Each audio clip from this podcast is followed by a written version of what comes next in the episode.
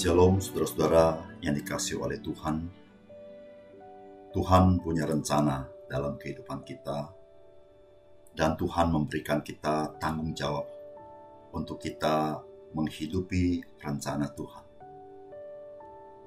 Salam jumpa dalam program Tuhan adalah Gembalaku.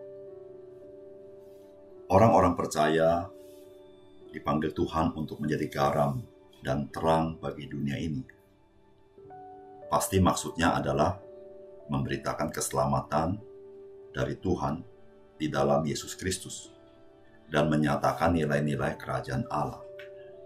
Pertanyaan bagi kita adalah, apakah kita telah mengimplementasikan hal itu di dalam kehidupan kita? Pertama-tama kepada anggota keluarga kita tentunya. Kedua, kepada teman-teman dan masyarakat. Hal ini dimulai dari teladan kehidupan dan nasihat yang lahir dari kita. Apakah mengekspresikan keindahan Tuhan dan kehendak Tuhan? Mari saudara kita membaca firman Tuhan dari kejadian pasal 28. Kemudian Ishak memanggil Yakub lalu memberkati dia serta memesankan kepadanya katanya, Janganlah mengambil istri dari perempuan Kanaan.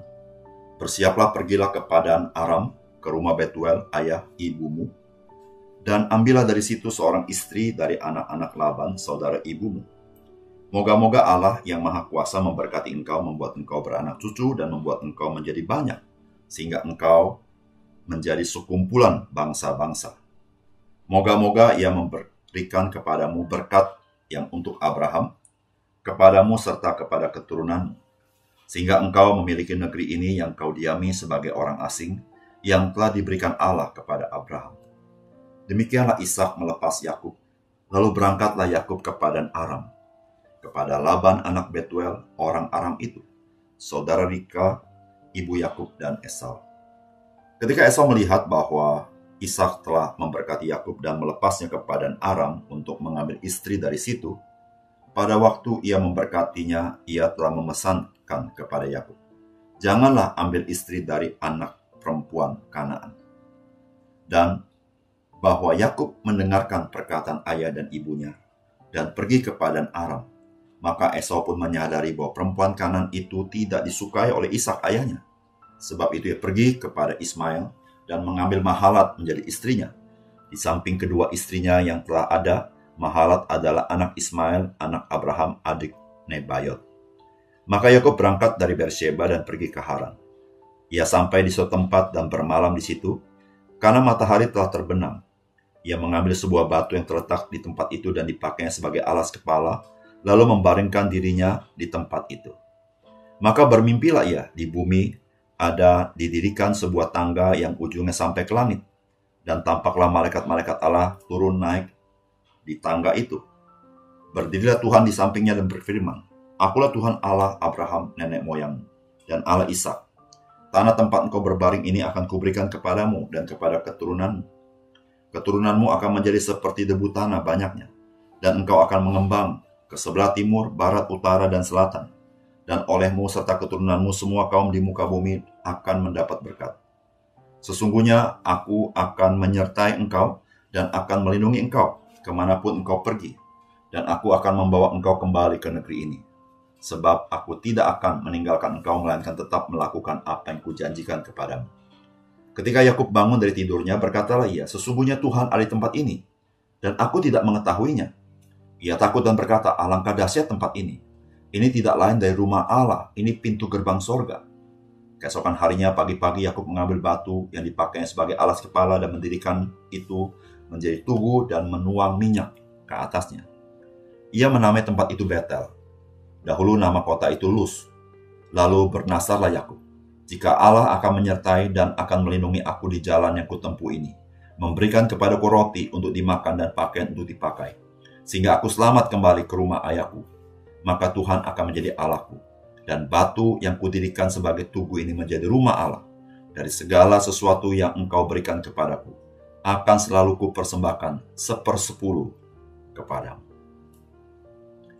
Saudara yang dikasih oleh Tuhan, peran orang tua begitu penting bagi anak-anaknya. Hal inilah yang kita baca dalam bagian firman Tuhan kali ini. Kita melihat bagaimana concern dari Ishak terhadap kehidupan Yakub. Tuhan menghendaki keterlibatan orang tua di dalam misinya. Meskipun Tuhan sendiri akan menyertai dan menggenapkan rencananya di dalam kehidupan anak-anak kita. Apakah pesan firman Tuhan bagi kita dari bagian firman Tuhan ini? Yang pertama, sebagai orang tua, maka kita patut menyampaikan pesan kehendak Tuhan bagi anak-anak kita. Saudara, itu yang dilakukan oleh Ishak. Tuhan tidak mau bahwa keturunan Ishak itu mengambil jodohnya dari orang-orang Kanaan. Oleh karena itu, Ishak berpesan kepada Yakub untuk mendapatkan istri dari sanak famili Ishak sendiri. Saudara, ini sesuatu hal yang sangat penting. Karena anak-anak tidak memahami apa yang dipahami oleh orang tua yang percaya kepada Tuhan. Bagaimanapun, kita sebagai orang tua yang sudah percaya Tuhan sekian lama, kita lebih memahami akan maksud, misi, dan kehendak Tuhan. Oleh karena itu, marilah kita sering berbagi apa yang Tuhan inginkan bagi anak-anak kita sehingga anak-anak kita tidak memilih jalannya sendiri.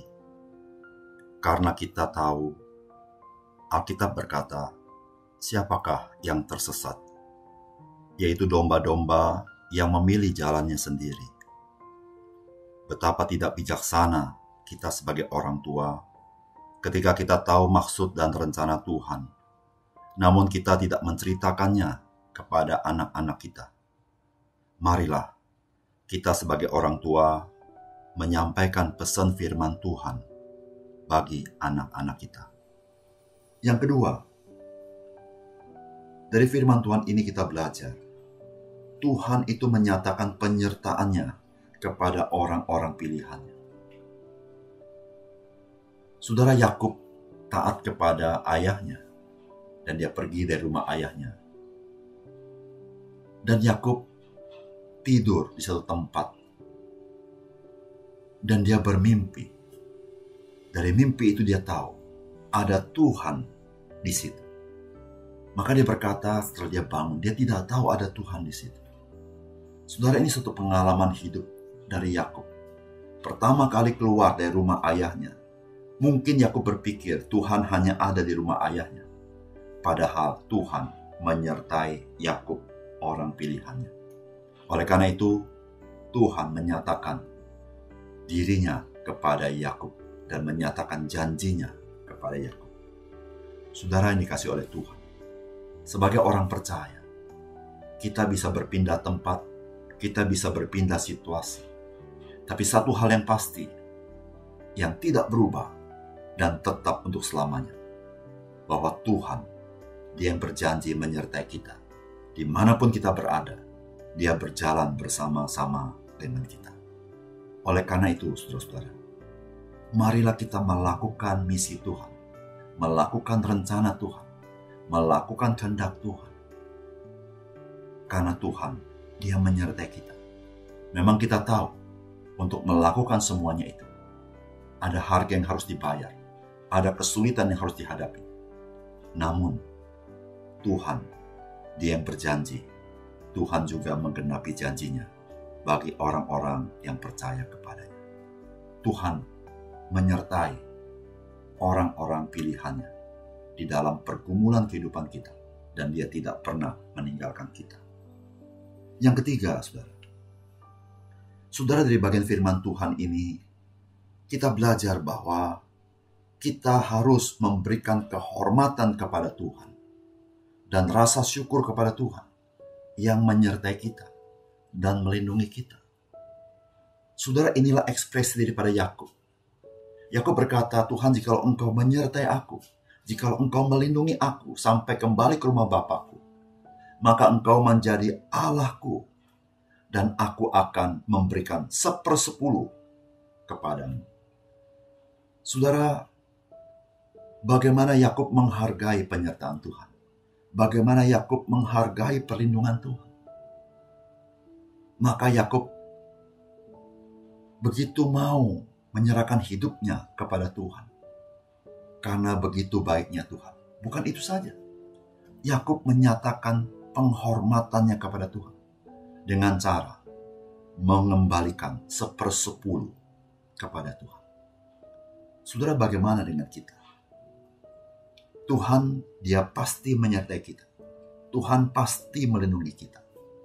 Saudara, apakah kita menganggap sepi penyertaan Tuhan, perlindungan Tuhan? Apakah kita mengabaikan penyertaan Tuhan dan perlindungan Tuhan? Dan kita tidak mau tunduk kepadanya. Di dalam segala kebaikannya, kita tidak memberikan kehormatan kepada Tuhan. Kita tidak mengembalikan rasa syukur kita kepada Dia. Saudara yang kasih dalam Tuhan, janganlah kita menganggap sepi penyertaan Tuhan dan perlindungannya. Karena itu adalah berkat yang sangat besar dalam hidup kita. Oleh karena itu mari kita belajar seperti Yakub. Kita tunduk kepada dia yang adalah Tuhan kita.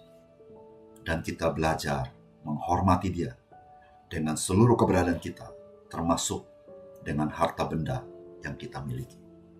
Mari kita berdoa. Bapak surga terima kasih untuk firman yang memberikan peringatan kepada kami. Kami sebagai orang tua, kami perlu menolong anak-anak kami mengenal jalan Tuhan. Kami perlu mensharingkan kehendak Tuhan, rencana Tuhan, supaya anak-anak kami mengenal rencana itu dan hidup di dalamnya.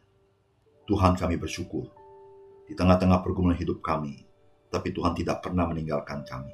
Tuhan yang menyertai kami, di mana pun kami berada, dalam situasi apa pun. Oleh karena itu, berikan kami keyakinan untuk kami hidup dalam rencana Tuhan. Dan ajar kami selalu menghargai penyertaan Tuhan, perlindungan Tuhan, dengan kami mentaati Engkau, dengan kami menaikkan syukur kepadamu dalam segala keberadaan kami, juga dengan harta benda kami ya Tuhan. Tuhan terima kasih untuk firman Di dalam nama Tuhan Yesus kami berdoa. Amin.